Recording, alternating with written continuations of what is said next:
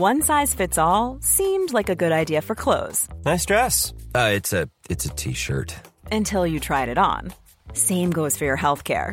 That's why United Healthcare offers a variety of flexible, budget friendly coverage for medical, vision, dental, and more. So, whether you're between jobs, coming off a parent's plan, or even missed open enrollment, you can find the plan that fits you best. Find out more about United Healthcare coverage at uh1.com. That's uh1.com.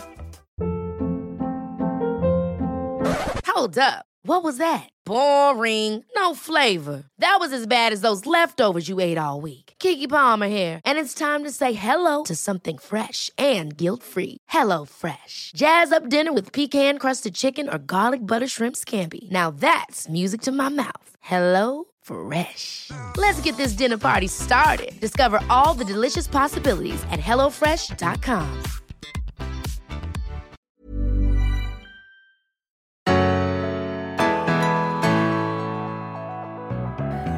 och välkomna till Berätta alltid det här. Jag heter Tilda Boysen. Och jag heter Frida Boysen. Och idag så ska vi prata om en folksjukdom som heter schizofreni. Och vi har inte vem som helst med oss här i studion. Hon är docent i farmakologi vid institutionen för farmaceutisk biovetenskap från Uppsala universitet. Men framförallt är hon också syster till Mats. Vi vill ge en så varm applåd, skulle jag nästan ja. säga. Varmt välkomna till vår gäst Åsa Konradsson Gojken som också är ordförande i Schizofreniförbundet.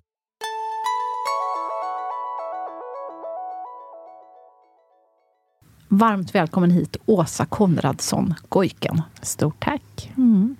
Vi är så glada att du är här med oss idag och för att dela dels din berättelse om hur du om du, hur du kom i kontakt med schizofreni, egentligen ditt möte med schizofreni och kanske reda ut lite myter mm. förstås förstå vad är det egentligen? Och du, du om någon kan ju verkligen den här sjukdomen.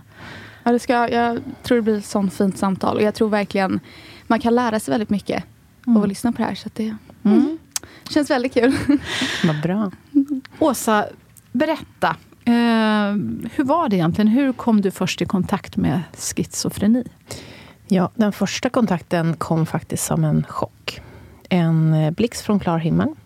Jag är 14 år gammal och eh, det är sommar. Och jag längtar efter den här första skoldagen som börjar synas lite i slutet av sommaren. För jag har gjort någonting riktigt, riktigt häftigt på sommarlovet. Jag har varit i Grekland. Jag har flugit mm. flygplan första gången. Jag är brunbränd. Jag har klappat herrelösa katter. Jag har ätit tzatziki. Och tänker så här, nu jädrar. Nu är redo. Ja, nu ska jag klass 9C i Hässelby skola få höra något, någonting annat från Åsa Konradsson. Men då, just den här sommarmorgonen, så vaknade jag av att det kommer in en, en människa i mitt rum. En hysterisk människa som skriker om och om igen att min storbror Mats är borta. Och när jag slår upp mina ögon så ser jag att det är min mamma som har kommit in i mitt rum. Och känner man henne så är hon inte av den hysteriska arten och hon har heller aldrig kommit in i mitt rum utan att knacka. Och hon fortsätter skrika den där att Mats är borta. Och i min värld så sitter min storebror på ett tåg på väg från permission från militärtjänstgöringen i Luleå. Mm. För han är på väg hem för första, första gången sedan han ryckte in. Så jag tror att han ska kliva in genom dörren vilken sekund som helst. Men eh, det jag förstår av mamma när hon har lugnat ner sig lite grann är att pappa har fått ett samtal under natten. Och eh, Mats har stoppat tåget på något sätt i Hjulsdal från Luleå. Klivit ut och lagt in några kronor i eh, en betalautomat och ringt pappa och sagt att han inte orkar. Att han mm. tänker ta sitt liv. Men gud. Um, så det som min pappa gör då, för våra föräldrar är redan skilda vid det här, vid den här, eh, det här tillfället, sedan ganska länge, är att han ringer till mamma och säger ta med dig Åsa och åk till T-centralen och se om ni kan komma i fatt eller möta upp tåget. Mm. Har ni tur så har inte tåget kommit in. Så jag åker i en ilfärd med min mamma. Mm till T-centralen och vi bara sladdar in. Vi parkerar inte på någon, på liksom någon ruta utan bara springer hand i hand genom T-centralen i Stockholm. Tåget, när vi kommer till spår nummer fem, har redan kommit in. Jag släpper inte hennes hand, utan jag håller den hårt Och vi går igenom hela tåget för att se om han finns där. Vi ligger under, eller jag ligger under sätena eller bänkarna. Vi går och tittar på varandra, under varandra liksom, under varenda, liksom, eh, eh, i varenda toalett. Men han finns inte. Och pappa har gjort samma sak i Julsdal, För han, han har då letat hela natten efter matte.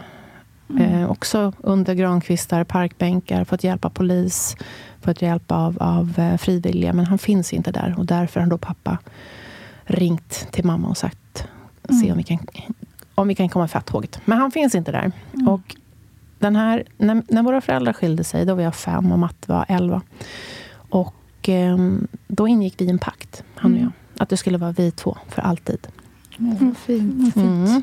Men när jag står där på tåget så känner jag att min andra paktdeltagare som har lovat mig att det ska vara vi två för alltid, han kanske inte finns. Så det är så hemskt. Det är en sån hemsk känsla. Ehm, och det är som att någon liksom bara vrider ur all energi. Men min mamma, som är fortfarande lite sådär lätt hysterisk, eh, kommer på att men tänk om det är så att Matte faktiskt har åkt hem till pappa, där, där han har ett rum. Så ilfärden fortsätter. Och eh, min pappa har ett, ett hus på en liten kulle i en förort till Stockholm. Eller hade. Och när vi ser pappas hus komma, liksom, eh, dyker upp där i, i horisonten, så ser jag att ytterdörren är öppen. Och då riktigt så här bubblar det till mig, för då måste han ju finnas där inne. Och det gör han. Men eh, då kommer chock nummer två för den här dagen. För att eh, han har sin första psykos. Och det var inte jag beredd på. Jag hade ingen aning som 14-åring att det fanns en sjukdom som, som tog sig här uttryck. Och har man aldrig sett någon som har en psykos så, eh, så brukar jag förklara min brors psykos. För allas psykoser är lite, ser lite olika ut.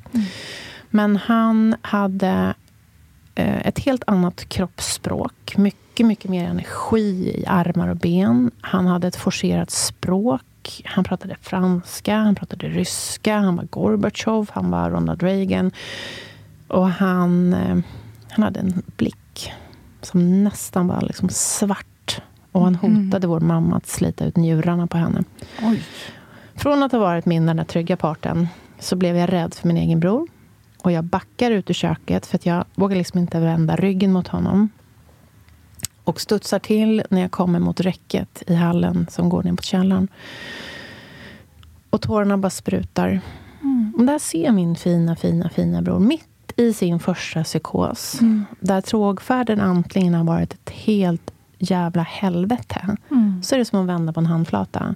Helt plötsligt så blir han precis som han alltid har varit. Han kommer ut till mig, lägger armen om mig, ger mig ett blinkande öga. Och så säger han, det är lugnt syrran, det löser sig. Men det gjorde inte det. Utan det blev bara värre och värre och värre och värre och värre. Och det slutar med att min storbror läggs in på sluten psykiatrisk avdelning. Och nu är min brorsa 19 år. Han ska precis fylla 20. Så det är min liksom första, första, eh, första möte med, med schizofreni. Och det här blev, om man tänker tillbaka. Eh, du Tilda, det var inte så länge sedan. Du var, du var 14, 14 år. Men för oss är det lite länge sedan. Ja, Men-. Så man har liksom lite grann kanske glömt bort hur, hur, eh, hur obehagligt det är att, att, eller hur rädd man är att, att sticka ut. Och jag tänkte ju, när min mamma kom hem en dag från sjukhuset, för min bror fick sin diagnos ganska snabbt. För hon kommer hem och säger så här, Åsa, vet du vad? Den här beteendeförändringen som, som vi såg i, i pappas kök, eh, som Mats uppvisade, det beror på att han har, han har fått en sjukdom. En sjukdom som är precis som vilken som helst, vilket är helt rätt, men som har drabbat hjärnan. Och för mig, och så säger hon ordet, schizofreni. Hade du hört talas om det Nej. förut? Jag hade aldrig hört det. Jag, och så tyckte jag så här, men gud vad konstigt. Det här med att eh, det är så mycket sjukdom som helst. Hur sjutton kan det vara det? Och så då bestämde jag mig ganska snabbt för att det här får aldrig komma ut i mitt Nej. nätverk. För det räckte ju med att ha fel färg på strumporna så kunde man liksom bli utfrusen den dagen eller den veckan. Så fick man sitta ensam i skolmatsalen. Och jag tänkte, tänk om mina kompisar får reda på hur min brors beteende har förändrats. Och Jag kommer från en ganska liten förort där, där alla visste vem min storbror var. Ehm, så att jag kände en skam. för att vi hade fått in sjukdomen i familjen. Jag kände en skam mot min bror. Jag hatade sjukdomen, jag hatade min bror. Mm. Och sen var det ju så att han fick ju väldigt, väldigt mycket uppmärksamhet Mm. av våra föräldrar. Vilket är helt självklart Ja, idag. men det är klart när något sånt händer Ja, att man, ja. det blir mycket fokus på Ja, brorsan där. Men då, eftersom jag är fem och ett halvt år yngre, så, så äh, kände jag en avundsjuka för den, den där, den där äh, uppmärksamheten som han fick. Vilket genererade i väldigt mycket jobbiga känslor som jag kallade för negativ energi. Mm. För även fast man är 14 år gammal så förstår man att man får ju faktiskt inte tänka så här Nej. om någon, någon som behöver egentligen Nej. hjälp och stöd. Så den här negativa energin den kunde väcka mig på natten, den kunde störa mig på lektionerna. Eh, den kunde störa mig när jag satt och fikade med kompisar, att jag inte riktigt Mm. förstod vad folk sa. Men eh, jag hittade strategier för hur jag skulle bli av med den där, den där rackarns negativa energin. Och det, det använde den på, på basketplanen. Ja, hur gjorde du då? då? Nej, men den fick mig, jag fick ju massa energi. Jag tänkte Ja. om jag bara springer hårdare eller om jag bara liksom, eh, jobbar ännu hårdare så, så, så var jag tvungen att fokusera på det. Och då glömde Mm. jag liksom bort den där negativa kolsyran. Mm. Och jag blev faktiskt en ganska bra basketspelare. Kanske tack vare Mm. den här negativa energin. Eh, men jag var ingen poänggörare, men jag var en rackare liksom i, i försvar. Ja, det är minst lika viktigt. Ja, Eller hur? Det är ett lag. Ja, precis. Men, men, och, och nu, om jag skulle ha fått beskriva min negativa kolsyra idag, Mm. då hade jag antagligen fått eh, en diagnos om ångest. Mm. Mm. Men 1988, när det här händer, så pratade man inte om ångest i 14-åriga flickors kroppar. Jag blir lite, man, man växer av så många frågor. Otroligt stark och hemsk berättelse. Man kan tänka sig in i den där 14-åriga flickan som du Mm. var, som inte fattar någonting. Och vilken chock det måste ha varit att se sin älskade bror, din Mm. förbunds... Mm. Åh. Men, men eh, jag tänker, eh, vad, hur mötte vården dig som Mm. 14-åring? Jag, jag, Fick du någon information? Alltså Ja, vad det är och hur nu. ska vi göra? Nu ska ni få höra. Ja. Eh, nej, men först vill jag bara säga en sak. För jag, jag, jag började berätta det här med att jag hade skämdes och hade ångest och Mm. att jag liksom hatade.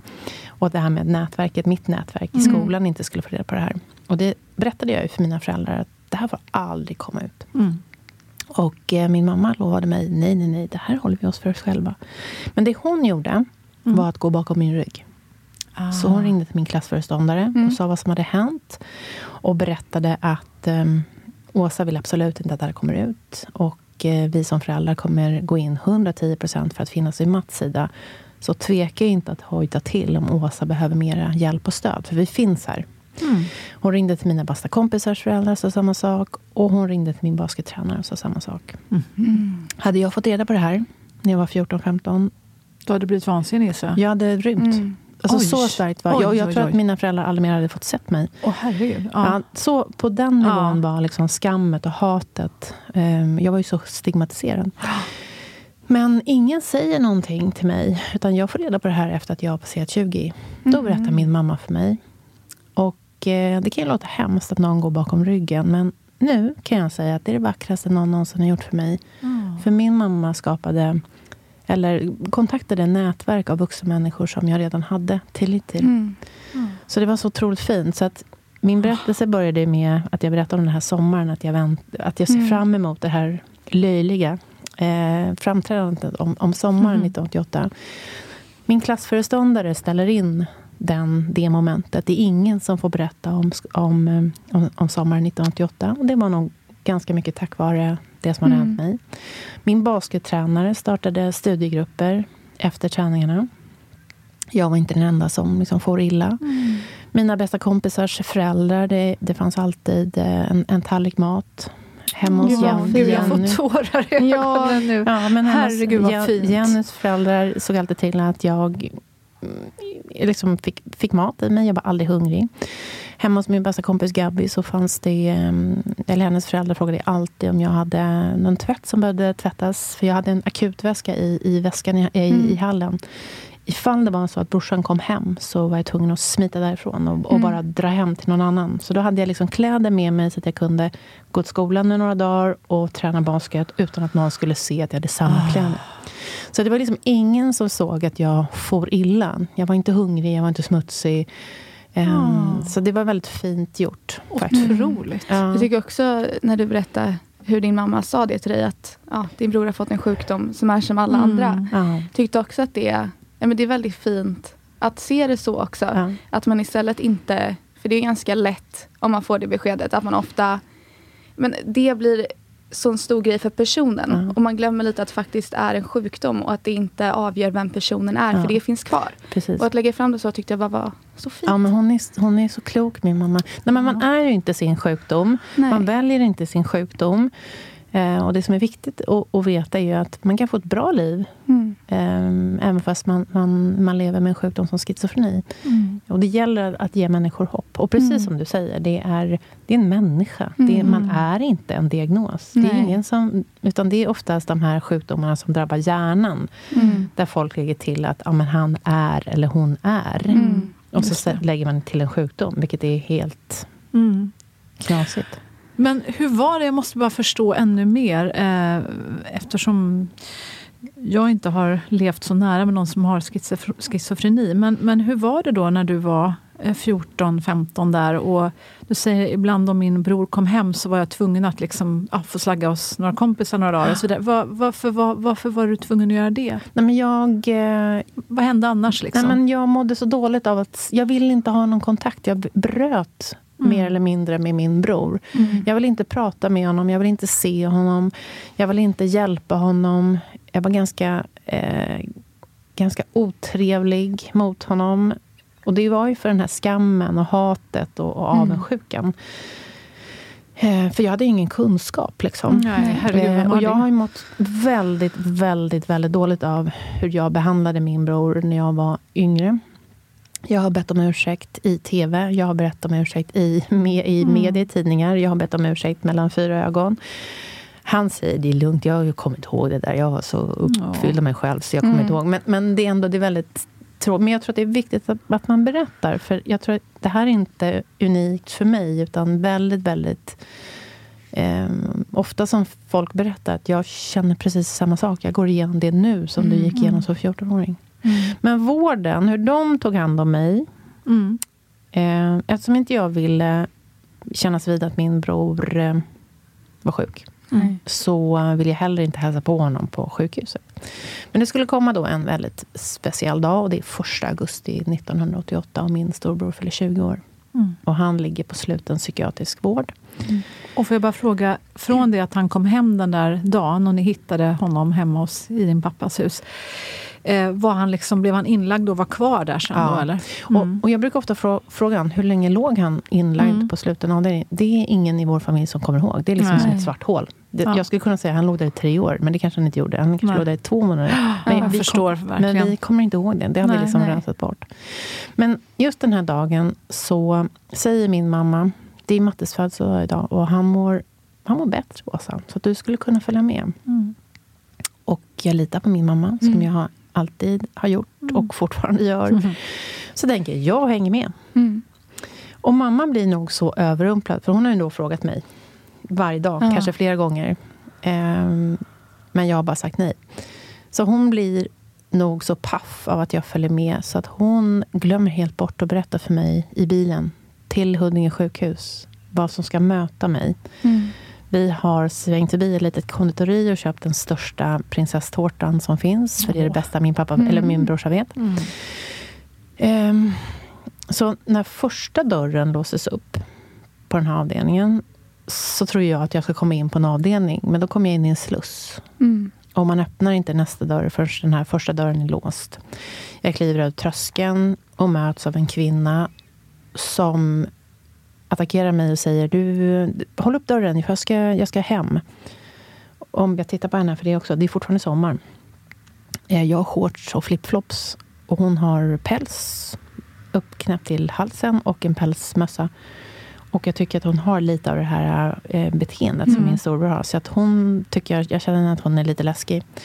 Och personalen ser det här och, och kommer, till, eh, kommer till, eh, till, till hjälp och säger och, ehm, Mats ligger i rum 18A, för de känner igen mamma. Mm. Ehm, och när jag kliver över tröskeln till rum 18A, då är det inte min brorsa som ligger där. Utan det är en liten smutsig fågelunge som har magrat något enormt sen jag sett honom sist. Han eh, är så övermedicinerad så att han har förlorat förmågan att prata och han har förlorat förmågan att eh, röra armar och ben. Oj, oj, oj. Men jag ser ju att han är glad när jag kommer in för det trillar lite tårar längs hans kinder. Och det är helt vidrigt. Och jag tittar på min mamma och bara tänker, hur fan kunde du säga att han mådde så mycket bättre? Ja. Men grejen var ju att han var mycket bättre. Men jag har ju inte sett honom på ett tag. Så jag sitter och matar min storbror med tårta på hans 20-årsdag. Och då kommer en hel armé in, vitklädda armémänniskor med Ja. klapprande träskor. För då har ryktet spritt sig att lilla syran är på plats. Och då vill man fånga mig. Eh, Och precis när jag sitter och liksom ska trycka in den här skeden i munnen så är det någon som frågar mig så här, eh, Hej Åsa, jag heter doktor någonting. Eh, Vi har en anhöriggrupp här på sjukhuset. Vill du vara med på den? Och det, det tillfället var så olämpligt så att, Ja. så att det, det var inte sant. Eh, sen så ska jag säga att det, det finns nog inga lämpliga tillfällen. Nej. Men det här är den enda frågan. Enda gången jag får frågan om jag behöver hjälp och stöd från vuxenvärlden. Min Ja. mamma och pappa såklart försökte ju hjälpa mig på alla sätt och vis. Mm. Men den här frågan, den kommer vara obekväm för alla vuxna. Men eh, vi som är vuxna, vi har faktiskt ett ansvar för inte bara våra egna barn, Mm. utan andras barn. För att se till att, att man får hjälp och stöd. Mm. Så den här frågan borde ha kommit från eh, skolan. Mm. Det borde ha kommit från... Någon du känner. Ja, Inte ja, någon eh, person du aldrig träffat innan. Nej, nej men en granne. Eller Ja. liksom, vem som- man tänkte inte riktigt på det sättet tror jag, på, under Nej. den tiden. Jag tror att vi, vi pratar mer om, om, eh, om hur det kan se ut i, i syskonkor eller, eller i familjekonstellationer. Och det är inte bara familjen, det är även vänner till den som, som, som drabbas som också behöver Mm. stöd och hjälp. Det är ju, slår ganska hårt. Men det är min kontakt med liksom vården. Mm. Och hur gick det med din bror sen? Alltså han, han finns ju Ja. fortfarande idag, men jag tänker från det att han låg där helt övermedicinerad och inte kunde Mm. röra varken armar eller ben på sin 20-årsdag. Det låter ju helt Ja, fruktansvärt. hemskt. Mm. Vad, vad händer sen med matte? Ja, det händer, alltså han går igenom ganska tuffa behandlingar. Han får bland annat eh, ECT, alltså elektrisk, Mm. elektrisk behandling för att låsa upp kroppen. Vad betyder det? Eh, ECT? Jag menar, och, och, Ja, dels men- det och dels nej, låsa upp kroppen. Ja, men alltså han, han hamnade i ett tillstånd som gör att, eh, att kroppen blir helt stel. Eh, och för att försöka måla upp hur det kan se ut så blir man så stel i kroppen så att om du ligger på rygg så står liksom kroppen som en båge och det är bara baksidan av huvudet och hälarna som ligger i. Mm. Ligger i eh, och det kallas för att man blir kataton. Mm. Och det är ett, ett tillstånd som kan, vara, eh, som kan vara dödligt. Och vi vet inte riktigt varför man hamnar i det där tillståndet. Det kan vara delvis sjukdomen, men delvis också medicinering. Och då behöver man ta till eh, elektrokonvulsiv behandling, som då är att man sätter små elektroder på, på skallen och så ger man en elektrisk chock. Och då blir kroppen Ja, chockad ja, ur det här Precis, eh, katatoniska... pre- precis Mm. hur, hur, vi vet ju inte riktigt heller varför och hur, men det är en väldigt effektiv, eh, väldigt effektiv metod. Mm. Så han går igenom ganska tuffa behandlingar eh, och kommer så småningom ut ifrån sjukhuset. Och då, på den här tiden så fick ju min mamma dessutom höra att, att det var hennes fel, att hennes son hade blivit sjuk. Eh, Hur de- kan man säga så? Ja, men Var det, det från vården? ja, Va? det var liksom det man trodde då. Eller man hade den... Vadå, den att det var mammornas Mammorna- fel? Ja, det var krä, krävande, krävande mammor och, och alla möjliga saker. Oj. Ja. Åh, Gud. Men- Hur gick det för din mamma att få höra det när man Ja, har ett barn är- som man är så orolig Ja. för kan jag tänka mig? Jag tror att hon, alltså hon är cool min mamma. Hon är jävligt cool. Cred till henne. Ja, hon är otroligt, otroligt cool. Så, men det är klart att hon, hon tog väldigt, väldigt illa vid sig. Liksom. Eh, Men, men det var inte hon, hon var inte ensam, utan det var ju flera som fick höra det. Men, eh, och hon fick också höra att ja, nu har du fått en, s- en, en, en son här på halsen som du måste ta hand om hela resten av ditt liv. Och det är Mm. lika bra att du tar hem honom till dig. Och min mamma säger nej, nej. Min son har en egen lägenhet. Där ska han Mm. bo. Vad Vi kommer, bra. ja, vi kommer hjälpa honom, men han kommer bo där. Så han kommer hem till sin egen lägenhet, där han, Mm.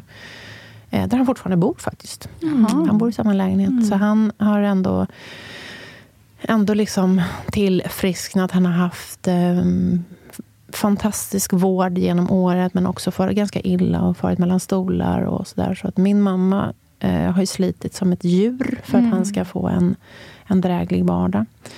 Eh, jag är den personen som sedan nästan 15 år tillbaka driver min brors vård och hjälper honom. är med på nästan alla läkarbesök. Jag är i kontakt med socialpsykiatrin, med Försäkringskassan.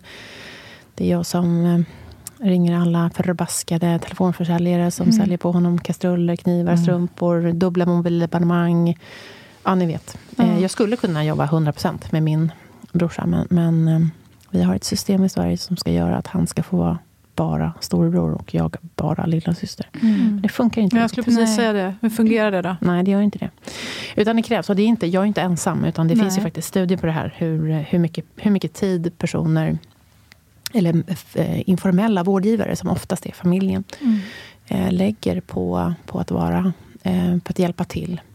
Hur mycket tid är det då? Ehm, du som ja, jag som kan. Ja, men du är Ja, ju ändå Ja, är du är väl Sveriges främsta expert på schizofreni, så att du, du vet ju Ja, verkligen. nej, men om man tittar på... Det, det finns en, en, en studie som...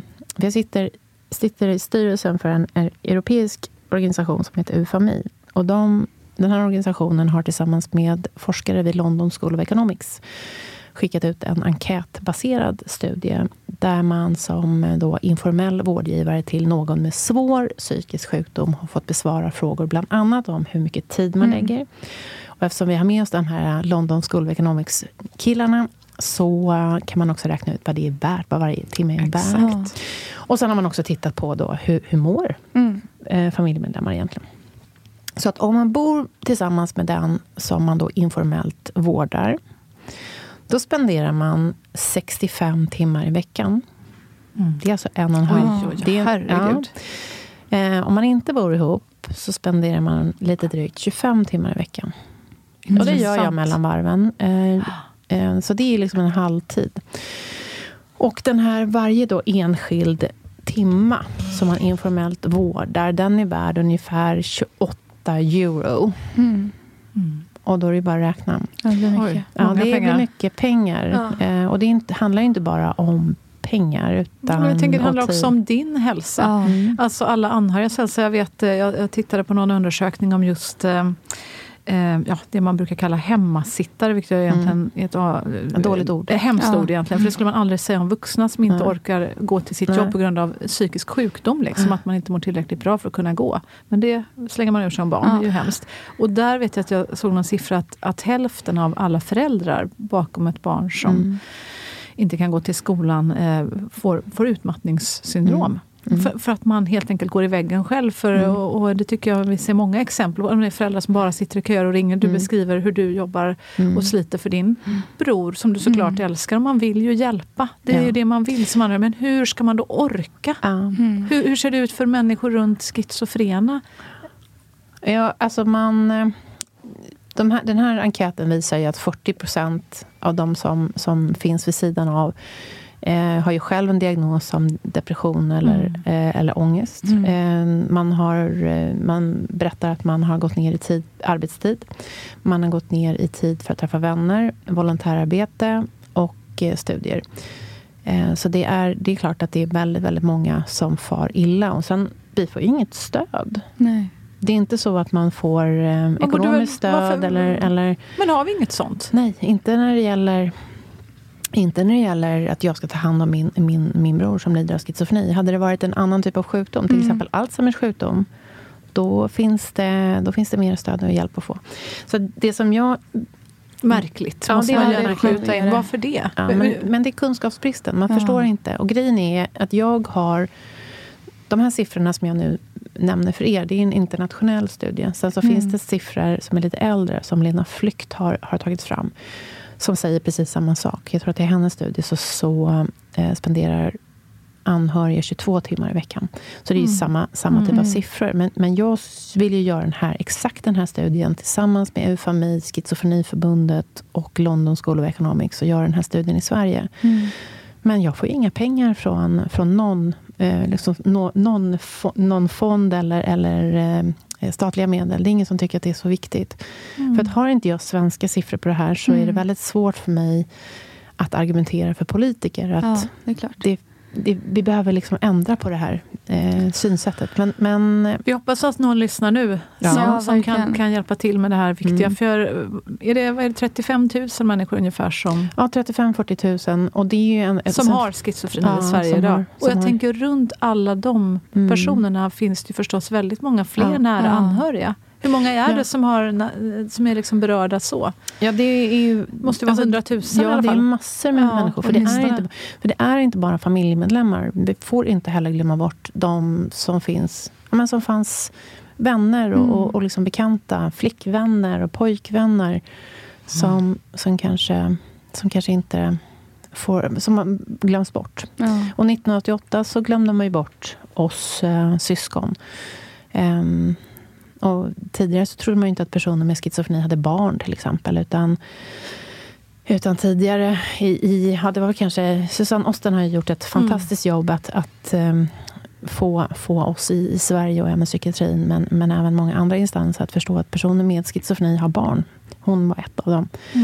Ehm, och ehm, till en början, nu vet jag inte riktigt när vi är i, i eh, vart vi är i tiden, men, men Susanne Osten fick ju dokumentationen på de psykiatriska klinikerna. Att istället bara för att kunna, när man satt och pratade med den här personen som då skulle skrivas in, Mm. fanns en liten ruta där de kunde kryssa i om det fanns blommor som behövde tas om hand eller husdjur.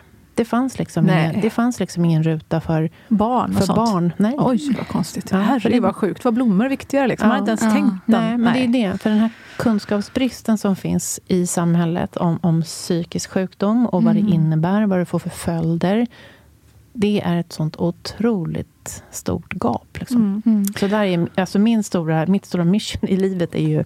Fast varenda kotte ska förstå hur det är att må dåligt. Ja. Och det handlar inte om att vara lite trött, lite Nej. ledsen, eh, lite stressad. Utan det handlar om svåra sjukdomar som, som, eh, som inte, det går inte att ta en Alvedon. Det går inte bara att skärpa sig. Det går inte att rycka upp sig. Utan det här är på riktigt. Ja. Men jag tror bara det synsättet, just att psykisk ohälsa inte är... Ja, men om man har brutit ett ben, det tas ju, kan jag känna ibland, på liksom, ja, men då vet alla och det är så här stort allvar. Mm. Det Det syns ju. psykiska är ju att, ja, men det blir inte alls samma förståelse eller respekt tycker jag heller att det blir, ja men det blir bra. Eller Mm. det är liksom inte lika viktigt. Ja, men Det jag, jag kan ju känna absurt. mig skyldig här. Jag, menar, jag kommer ju ihåg i början till när du liksom var faktiskt väldigt sjuk, inser jag ju nu. Men jag var ju också lika... Och det handlar ju mycket om okunskap. Det var Ja. inte så att jag inte ville min dotter det bästa. Självklart ville jag Ja. det. Men jag försökte ju också med det här, ja, men kom igen nu. Liksom. Ja. men, ta, ta, ta tag i dig själv. Ta, kom igen nu. Liksom, ja, precis. Vi bara, bara kör, bara res dig upp ändå. Bara gå iväg till skolan ska du se att det känns bättre snart. Och det var, liksom, det var ju okunskap. Mm. Och, och där gör ju du ett fantastiskt jobb Åsa med att sprida kunskap. Och jag, jag undrar, hur gick du från att vara den här unga tjejen som förstås var säkert livrädd. Som sagt, hur kommer det här påverka mitt liv? Folk ser på mig och, och allt det här som du var i när man är till att idag sitta här och liksom brinna och ha en sån enorm kraft. och eh, Du säger att det här är ditt liksom life mission Mm. och att du är så glad att du får ha det här jobbet där du forskar om, om eh, schizofreni, du är ordförande för Schizofreniförbundet och du, du brinner ju så för det här. Ja. Hur gick du från det ena till det andra? Mm. Hur krossade, vad, vad blev Jag, jag vändpunkten? tror att det är eh, bara varit på rätt ställe vid rätt, rätt tidpunkt. Eh, jag, jag höll ju tyst i 16 år. Jag sa inte till någon. Jag passerade alltså 30 år innan jag började berätta att det här hade hänt i familjen. Så mina bästa vänner, de blev så, him de blev så ledsna. För att varför, varför berättar du Mm. inte det här för oss? Vi hade stöttat dig såklart. Vi hade hjälpt dig. Hur fan har du orkat? Mm, Liksom? Det, var, mm. det var en ganska tung bit.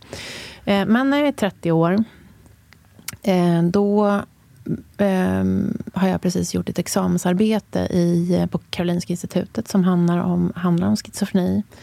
Och jag får ett erbjudande att bli doktorand. Mhm. Och eh, i den gruppen så känner jag att jag blir en resurs. Mm. För att jag har en annan vinkel, en annan kunskap än vad de har. Väldigt många av dem forskade ju då, doktorand, andra doktorander forskade ju på schizofreni men hade aldrig träffat en person. Mm. Utan man hade så kallad papperskunskap. Ja. Så att jag blev en resurs. Och det var så himla häftigt att kunna känna att kan, här kan jag säga precis vad som har hänt mig. Mm.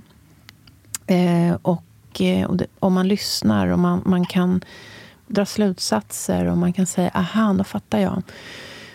Efter den, när jag hade blivit doktorand, så gick jag också min första syskongrupp i terapi, eller vad man ska säga, mm. syskongrupp och få lite kunskap. Eh, jag blev intervjuad i en lärobok som skulle handla om, om psykiatri. Eh, så sen började det rulla på. Och sen träffade jag människor som, som eh, som jobbade i olika, olika branscher och som sa att Åsa, vet du vad, du, du är bra på att berätta. Du, mm. borde, mm. Eh, du borde berätta om det här, för det, för det är nyttigt för oss. Vi förstår mer. Mm. Så det, det började liksom rulla på. Sen, sen så har det ena lett till det andra. Men egentligen led jag in på det där, eh, det här exjobbet mm. från början. Det var bara en, en ren banan inslirning. Ja, eh, men, hur kom det sig att det blev det exjobbet Att du liksom började ja, rikta in dig på det här? Det var min nyfikenhet. Mm. Alltså min, mina, mina föräldrar de har aldrig, aldrig, aldrig, aldrig svarat på mina frågor. Utan de har gett mig en liten nyckel för att eh, ta någon av de här, så ska du se om att du kan, kan hitta svaret på den där frågan. Så att jag är uppfostrad på ett sätt som jag tror har, har gynnat mig att, att eh, fortsätta vara mm. nyfiken. Eh, men men eh, när jag fick reda på att det fanns... Jag visste inte ens att det fanns forskning kring den här sjukdomen. Utan jag blev nyfiken på undra hur det går till. Liksom. Hur kan man forska på den här sjukdomen?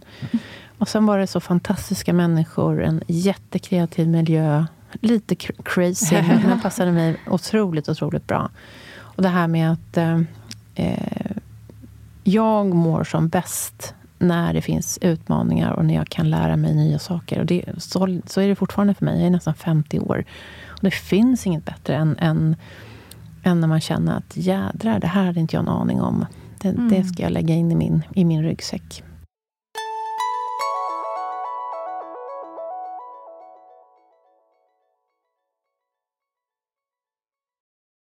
Varför drabbas man av schizofreni? Din mamma fick ju då höra att det var ditt fel. Det är ditt fel. Mm. Men så lite längre har vi väl ändå kommit Åsa, hoppas jag? Eller? Ja, jo, fast nu är det så här att schizofreni är en sjukdom med okänd patofysiologi och etiologi. Mm. Vilket innebär att vi inte vet vad som är fel riktigt eller vad, varför vissa människor insjuknar.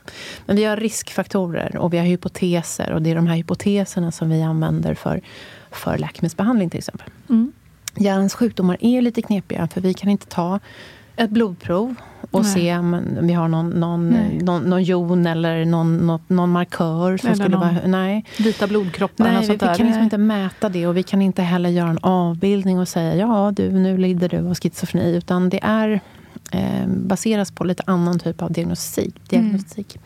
Så det är, det är svårt. Men vi kommer närmare och närmare skulle jag säga. Eh, Vad vet vi idag då? Nej, men om, vi, om vi utgår från de här riskfaktorerna så finns det såklart en, en genetisk risk att insjukna. Men man, man insjuknar inte, generna styr inte rakt av att du drabbas av schizofreni, utan man ärver en sårbarhet. Eh, och vi har många gener. Vi har inte en gen som kodar för schizofreni, utan vi har hundratals, kanske tusentals. Mm. Och de kodar inte bara för schizofreni, utan också för bipolaritet och autismspektrum. Så det är svårt. Mm. Och visst, men viktigt. Och, jag tänker just i ert fall då, då har ni någon släkting som ni vet tidigare eh, har... Alltså det finns i historien längre bak någon ja. som var hysterisk. Men, men om man går på de här museerna som finns, Mentalvårdsmuseet i Säter, som jag till exempel var på i, i somras, och tittar på vad man när blev man inlagd på mentalsjukhus som det då hette. Jo, det kunde ju vara att man var en ostyrig kvinna, mm. att man hade kärleksbekymmer, mm.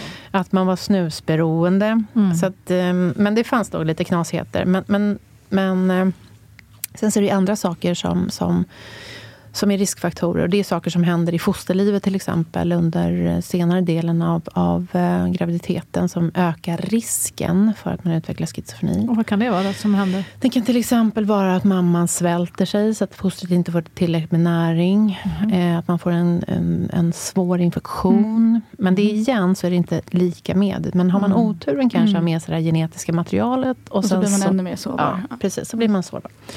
Att växa upp i en storstad Oj. är en riskfaktor. Um, Varför då? Ja, alltså det är... Eh, det tvistas om, om, om det verkligen är så. Eller är det så att personer med schizofreni söker sig till storstaden? Mm. Men om man skulle se det som en, en, en riskfaktor så är det ju så att en storstad sover aldrig. Nej. Det är aldrig mörkt. Det är aldrig tyst. Eh, det finns en rad olika miljögifter som snurrar runt, gärna i barnvagnshöjd. Eh, till exempel Horsgatan har man gjort mätningar mm. på. Var ligger miljögifterna? Jo, mm. precis vid barnvagnshöjd. Och gud, vi bor ju nära Fleminggatan. och där, det, där är det ju också sådär att vi har så förbud mot dubbdäck ja, nu för men tiden. Men tänk på, det är en riskfaktor. Det är inte lika med och det kommer krävas mer. Ja. Trauma i barndomen mm. är också en riskfaktor och sen eh, drogmissbrukande i unga år. Mm. Så att ganska ny. Eh, när journalister ringer till mig mm. så brukar fokus vara, då brukar frågan vara så här, visst är det en genetisk sjukdom? Mm. Och då säger jag så här, nej, det är inte en genetisk sjukdom. Men däremot så är genetiken väldigt viktig. Eh, det, kom, det krävs säkert att du har den genetiska genetiska delen med dig. Men eh, vi kan inte göra så mycket åt det Nej. vi föds med. Utan då, men någonting vi kan göra åt i samhället är ju då droger. Och så mm. tänker man att journalisterna, det här borde de nappa på. Det kan ju till och med bli liksom löpsedlar. För eh, att missbruka att, att eh, risken för att utveckla schizofreni, om man tittar på hela runda jordgloben, så är det 0,4 till 1 procent. Det är ganska mycket. Mm. Alltså. Nästan en, en var ja, hundrade ja, människa. Ja. Alltså. Så det är en folksjukdom. Klassas det, det tror som. man ju inte. Nej. Alltså, man, eller jag får, det är mina förutfattade meningar helt mm. men jag trodde att det var mer ja. ovanligt än så. Men det, är, det klassas ju som en, en folksjukdom. Mm. Eh, och, eh, och då missbruk, missbrukar man då cannabis eh, innan man fyller 15 till 18 så ökar risken att man utvecklar schizofreni, som då är en kronisk psykisk sjukdom, mm. där vi inte vet vad den beror av eller varför man drabbas. Och vi har inte heller fullgod medicinering. Då ökar den siffran till 15 procent. Oh. Det är en jättehög siffra. Oh. Och sen så finns det nyare siffror som också visar att... Eh, för man kan ju få en psykos av, eh, av eh, att man missbrukar ja. amfetamin, cannabis, kokain etc. etc. Mm. Eh, så att cannabis, då, om vi fokuserar på det. De 40 procent av de personer som har fått en cannabisinducerad psykos mm. utvecklar schizofreni. Den det är siffran, mycket. Ja, det är jättemycket. Ja, och den siffran klokt. tänker man så här, Hörru du journalisten, kan du, inte, kan du inte fastna på den siffran? Ja, jag, jag känner där, att jag fastnar. Ja, jag har jobbat som journalist hela mitt vuxna liv. Jag, jag blir helt chockad här. För att, alltså det här genetiska materialet, visst, vi kommer behöva det för att man ska antagligen mm. utveckla en sjukdom, lite schizofreni. Men det behövs någonting mer. Ja. Och då är det ju det här missbruket bland unga. Det är någonstans där skulle vi kunna göra ett jättejobb för mm. att kanske minska risken för att, att människor utvecklar schizofreni.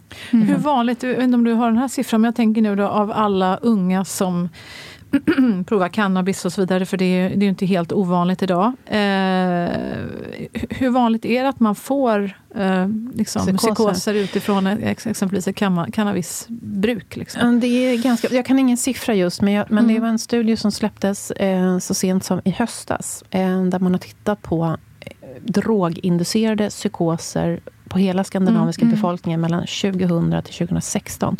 Och i början av 2000-talet så, eh, så hade vi mer psykoser som, som inducerades av alkohol, för det kan man också få psykoser av. Mm. Men den siffran går rakt ner. Mm. Medan cannabis, amfetamin, kokain och blandmissbruk, där går liksom kurvan rakt upp när det gäller psykoser. Så att vi, vi har en ökning, en, en rejäl ökning i alla länder.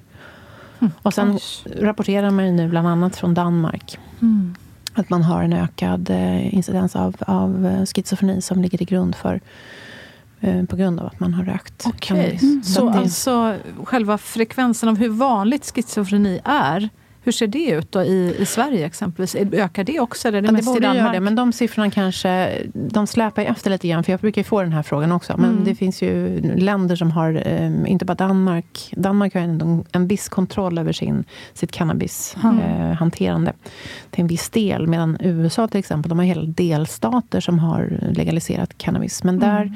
siffrorna kommer, det kommer ta ett tag innan man får de siffrorna.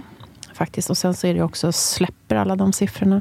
Mm. Det är inte heller riktigt säkert. Men, eh, Men det går en- det att se ett samband mellan de länder som har, som har legaliserat cannabisbruk och en ökad förekomst av schizofreni bland befolkningen? Ja, bland annat då i Danmark. Gör Ja, det är så alltså? Ja, i Danmark. De, de rapporterade, då, och det har, till, det har till och med stått i, i Dagens Nyheter.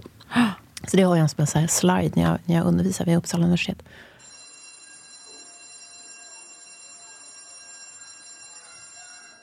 När jag är ute i gymnasieskolor överhuvudtaget så det- märker jag att, att tjejer, som, det är ganska tufft att vara ung tjej, eller hur Tilda? Idag? Ja, ibland. Ja, men det är ju faktiskt det. Jag tror att det är lite annorlunda än när vi var unga. Mm. Det är faktiskt tuffare klimat idag.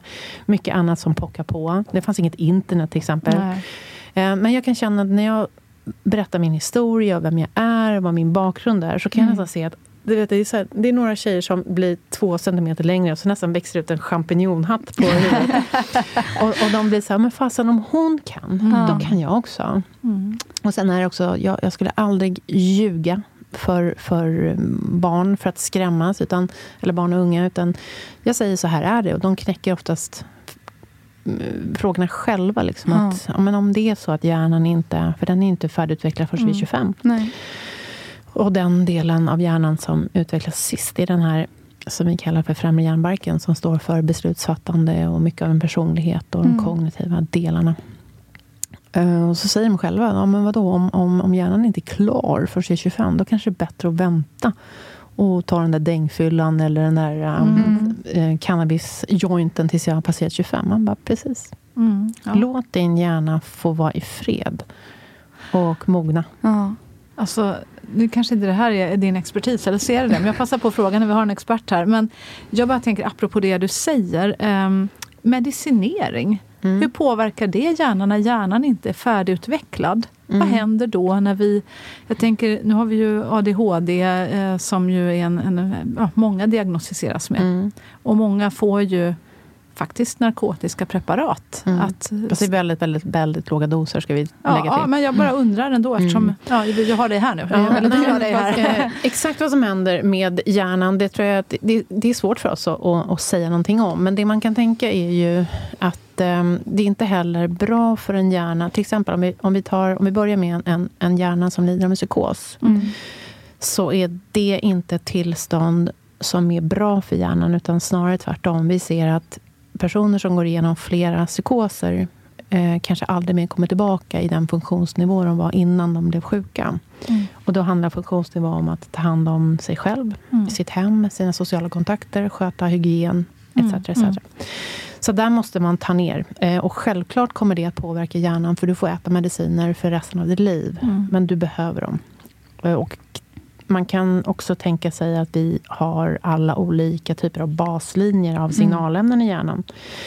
Eh, och de behöver vi rätta till. Det gör vi med läkemedel vid psykos och det gör vi också med läkemedel vid, eh, vid ADHD till exempel. Mm. Ehm, ADHD är ju Ibland så, så förklaras det som att man har en... en, en det, det är en beteendeförändring. Det är ingenting som är... Det är ingen sjukdom, det är ingen... ingen ehm, eh, ja, men alla är olika. Liksom. Eh, och, och tänker man då på den här baslinjen så, så hjälper, man, hjälper man ju den personen att, att komma tillbaka till en, en baslinje som Mm. blir hållbar. Så att man kan gå i skolan, så att man kan koncentrera sig etc. etc.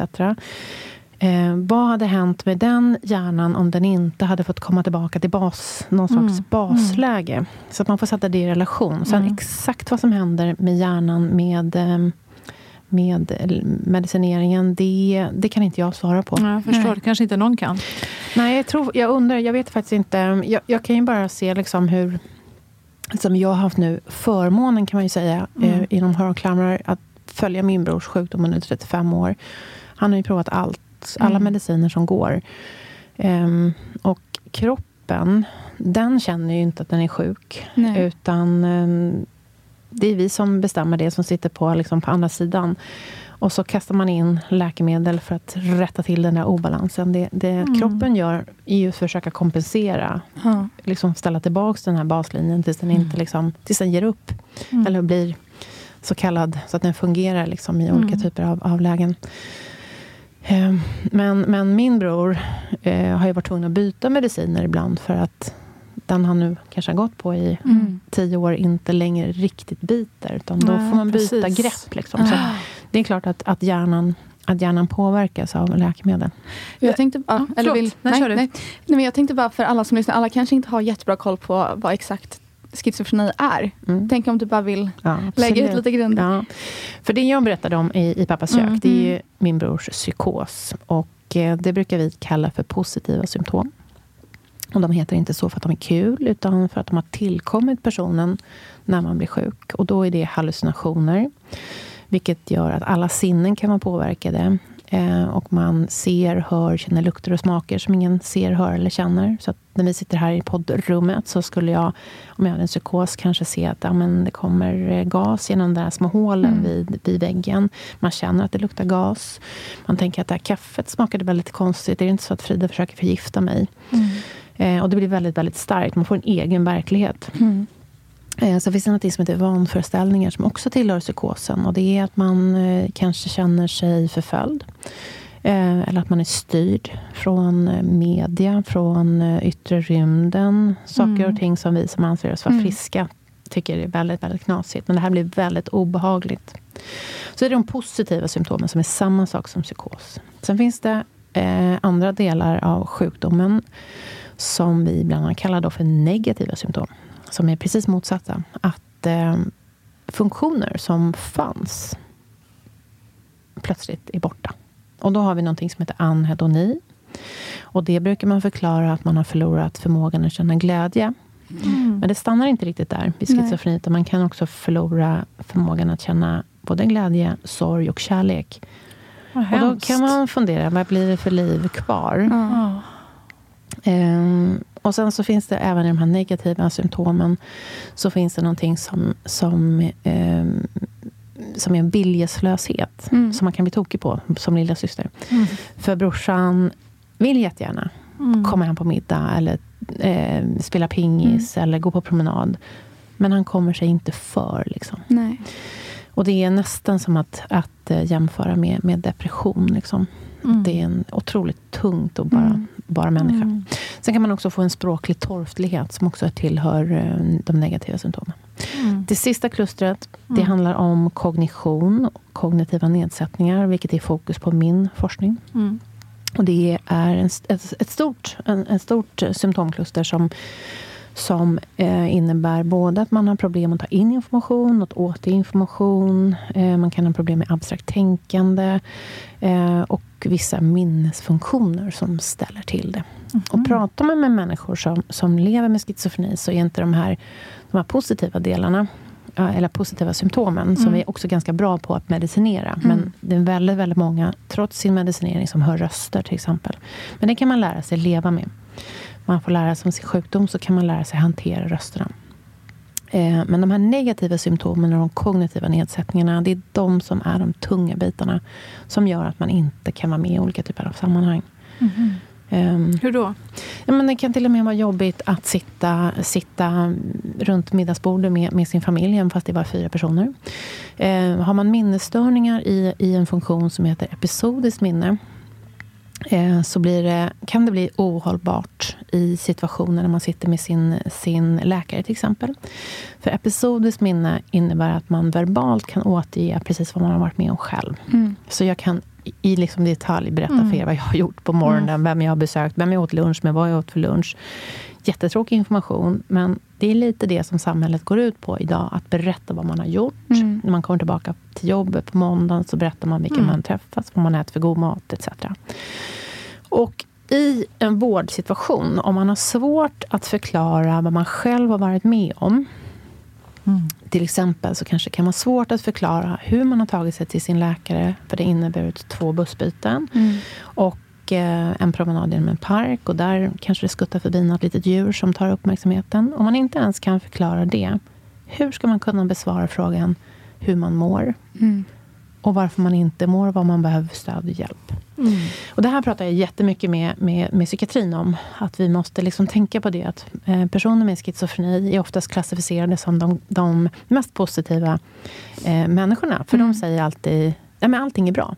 Mm. Men då måste man också kolla, vad är det som inte... Vad är, det som, Mm. är det verkligen så? Eller är det så att man inte kan förklara hur man mår och vad man behöver för stöd och hjälp? Och det tror jag att det är Mm. väldigt många gånger. Och då är det massa människor som går omkring och faktiskt inte får rätt stöd och hjälp. Mm. Vad tänker du om det, Tilda? Nej, för jag är så här, apes eller... eh, Emotionell instabil person, person. Ja. Och en grej är att det blir väldigt så här... Mår man en känsla, då tror man att det ska vara så för evigt. Och det, det, man har liksom ingen permanens riktigt på samma sätt. Och då också om det känns bra då, då Mm. blir det liksom som att ja, men det är jättebra Mm. just i den. Och man liksom, Just i stunden. Ja men Mm. exakt, och det blir inte samma, samma sak. Alltså det blir svårare att förklara och känna det. Jag vet inte om det är riktigt, Mm. om jag förklarar det Nej, rätt men så du förstår. Ja, men jag tror Mm. faktiskt inte att det är, det är... Det är inte så himla lätt att sätta fingret på vad det är som inte fungerar. Alltså jag mår inte bra, men, men jag kan inte riktigt förklara hur, jag kan inte riktigt Nej. förklara när. Mm. Jag, jag vet inte riktigt vad jag vill för hjälp, men jag behöver bara, jag behöver bara hjälp. Mm. Men då Mm. gäller det ju för de här människorna som är specialis, specialister. Mm. De måste ju liksom trolla Hitta fram det. verktyg Ja. för att göra det lättare att Ni kan, beskriva inte, kanske. ja, ni kan inte bara säga så här, hur mår du idag? Nej, det är för brett. Ja, för eller så, om man säger då, Ja. nej men jag mår Ja. inget bra. Nej, vad är det som inte funkar? Men så kan du inte ställa frågan. Nej. Utan du måste, och därför vill jag att man, man ska bara ta med anhöriga. Som, Det tror jag också är för, för jag känner ju min brorsa. Du känner till det Ja. innan, hon- innan du började må dåligt. Mm. Vi som finns runt omkring känner ju de här människorna Mm. innan de blir sjuka. Eller innan man blir sjuk. Och kan reagera på små förändringar Mm. som är av betydelse. Så man Mm. kan hindra saker och ting. Och det är också, vi som är runt omkring måste också få väldigt mycket kunskap. Mm. Vi behöver både hjälp ifrån, från eh, psykiatrin att, att få mer eh, kunskap. Men sen så vill vi också att de ska lyssna på oss. För Mm. att vi är tillsammans som familjemedlemmar så är vi värsta experterna. Mm. Ja, faktiskt. Eh, Du sa ju det här att eh, ofta så upptäcks schizofreni, eller kanske också mm, kommer, blommar ut eller vad det nu heter, senare hos kvinnor än hos Mm. män. Är det så, eller är det att vi upptäcker det senare hos kvinnor? Eller vad vet man om Nej, det? Alltså, det är lite skillnad mellan, mellan, eh, det är skillnad mellan kvinnor och män i, i, på flera, i flera dimensioner. Så kvinnor utvecklar schizofreni senare i livet. Och det vi vet ju inte riktigt varför, men vi har hypoteser kring att eh, kvinnor har ofta ett, eh, ett större nätverk runt sig i, i yngre ålder som, som, som är skyddande. Mm. Eh, vi har andra typer av hormoner som rör sig i kroppen vid olika, olika ålder. Eh, sen så är det så att kvinnors schizofreni är oftast lite annorlunda. Eh, symptomen är lite mildare, eller hur man ska uttrycka sig, Mhm. och svarar bättre på medicinering, men man får värre biverkningar. Bröstcancer, Mm. risken ökar. Mm. Har du läst den artikeln? Jag har ju skrivit en artikel. Ja, visst. Ja, men lite har allt läst på. Ja, precis. Mm. Ja, det finns vissa läkemedel som, som, eh, som ökar eh, ett, en, en hormon, ett hormon i kroppen som heter prolaktin. Mm. Eh, och då löper kvinnor, kvinnor som får sådana läkemedel som, som ökar den där hormonet prolaktin löper högre risk att få bröstcancer, eh, osteoporos, vilket är Mm. urkalkning av det. skelettet. ehm, och så vidare. Så det är, och de, de blir liksom värre för kvinnor. Mm. Och det är också konstigt, för den där artikeln tänker man så här, den där borde ju folk nappa på. Det är ju skitintressant. Mm. Mm. Men eh, det är svårt. Det är svårt att få, få liksom Mm. Uppmärksamhet Ja. inom, inom, inom svår psykisk sjukdom. Så jag är jätteglad att ni Mm. tar tag i det här också. Ja. Finns det något man kan göra då för att det här inte ska liksom blomma ut, att schizofrenin inte ska slå ut? För du säger att det här, det här pratar du ändå om skyddande faktorer. Du säger Mm. att, att kvinnor som får schizofreni ändå att Skulle kunna vara. Det är en, det är en Kanske, hypotes. ja, en hypotes. precis. Men Mm. jag tänker det är också välkommet, du är ändå expert. Ja, alltså om vi visste, om vi visste varför folk blir sjuka, och om vi visste vad det är som är fel, då skulle vi kunna, s- då skulle vi kunna motverka det. Eh, Det kan vi inte idag. Nej. Utan ehm, det är bara att hoppas att, att vi som, som forskare forts, får fortsatt eh, finansiering. Vilket är svårt att få i, i Sverige och i världen för den här typen av forskning. Men ehm, att vi får att vi kommer närmare. Och vi kommer närmare varenda Mm. dag. Liksom. Men, men vi behöver mer tid. Hur mår Mats idag? Han mår bra. Eh, och han har... Eh, efter den här fadäsen som hände när det, när det började skrivas saker i handen så, så tog han syrrans råd när det gäller eh, den, den, eh, de läkemedel som jag sa att nu är det dags. Liksom. Nu, Du har haft din sjukdom i så här många år. Nu vill jag att du ska få må bra. Och det kommer du göra om du, om du tar de råden. För eh, det är ju mitt forskningsfält. Jag vet precis vad som står och vad som är evidens, evidensbaserad eh, skulle fun- fungera bäst. Så han mår jättebra idag. Han har börjat spela pingis. Vad kul. Ja, han har hittat lite nya vänner som han går på promenad med.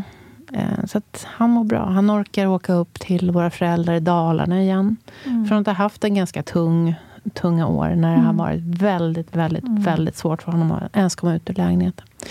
Och han finns ju också, han är ju också en liten kändis i, i schizofrenivärlden. Han är med i poddar och han är med i tidningsartiklar och, och sådär. Så att han berättar gärna om det, att, eh, hur det är att både leva med schizofreni och hur stor roll familjen har i, i, i hans välmående. Vad fint att ni båda har ja, men, använt det till att liksom, ja, men, lyfta. Och du har blivit forskare och gjort hur mycket som helst. Och han pratar om det och vill Ja. också sprida kunskap. Det ju, Men han vill, göra, han vill också betala tillbaka, för han tycker att han har fått så fin hjälp. Jag kan ju sitta och säga ibland att han har fått så dålig hjälp. Mm. Men det spelar ingen roll vad jag tycker. Om han har upplevelsen för att han har fått bra hjälp och vill betala tillbaka, så är det Mm. fantastiskt. Och jätte, han är så... Väldigt många säger till mig att vad duktig han är och liksom att uttrycka Mm. sig. För det är ganska vanligt att man med schizofreni då har svårt att uttrycka sig. Och det har han i vissa lägen. Men, men han är otroligt duktig på att beskriva Mm. sin sjukdom och sådär. Och han har ju fått vara med mig i, i, i ganska många år och liksom få träna på att vara i, i, i mediarummet. Ja, det låter ju som att vi får ta ett, ett, besök, ett nytt besök Ja. från familjen här och locka hit Mats Ja, fram det. igenom. Det har Gör varit det. jätte, jätteroligt. Ja. Åsa, du är ju också ordförande för Schizofreniförbundet. Om man nu lyssnar på den här podden och, och känner att men gud, det har jag ju missat. Vad, vad kan ni hjälpa till med? Eh, vi är en religiöst och politiskt oberoende organisation som för eh, eh, de personer som inte klarar av att driva frågor i samhället gentemot myndigheter eh, eh, etc. etc. föra deras, föra deras talan. Driver massa projekt, bland annat eh, för att, för att ta död på den här stigma, stigmatiseringen. Ehm, vi ger oss ut i debatter, vi kontaktar politiker ehm, och så vidare. Och, så vidare. Eh, och man får jättegärna bli medlem i Schizofreniförbundet för vi behöver, vi behöver folk som, som, som stöttar oss i, i ryggen. Eh, Det är, eh, och blir man medlem i Schizofreniförbundet så, så kommer man i kontakt med andra människor som har vuxit upp likt jag, eller mammor eller pappor, eller personer med egen erfarenhet som också sitter i vår styrelse. Man får fri kontakt med en psykolog som har, eh, som har 30 års erfarenhet inom psykosvården. Vi har en, en eh, jurist som man kan tillfråga om hjälp eh, som är specialist på, på fadäser som händer vid, vid psykoser till exempel. Så det, det är en, jätte, en, en, en fin organisation och jag är otroligt, otroligt stolt över att vara ordförande.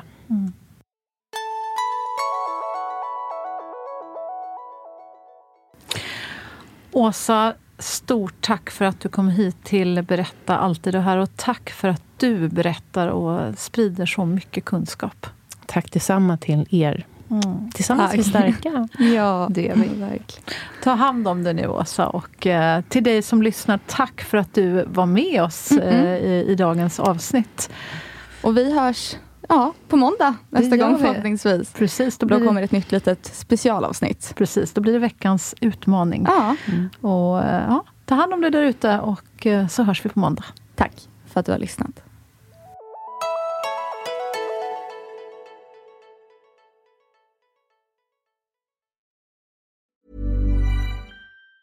Ever catch yourself eating the same flavorless dinner three days in a row? Dreaming of something better? Well, HelloFresh is your guilt-free dream come true, baby. It's me, Gigi Palmer. Let's wake up those taste buds with hot, juicy pecan crusted chicken or garlic butter shrimp scampi. Mm. Hello Fresh. Stop dreaming of all the delicious possibilities and dig in at HelloFresh.com. Let's get this dinner party started. Planning for your next trip? Elevate your travel style with Quince. Quince has all the jet setting essentials you'll want for your next getaway, like European linen, premium luggage options, buttery soft Italian leather bags, and so much more. And is all priced at 50 to 80% less than similar brands. Plus, Quince only works with factories that use safe and ethical manufacturing practices. Pack your bags with high-quality essentials you'll be wearing for vacations to come with Quince. Go to quince.com/pack for free shipping and 365-day returns.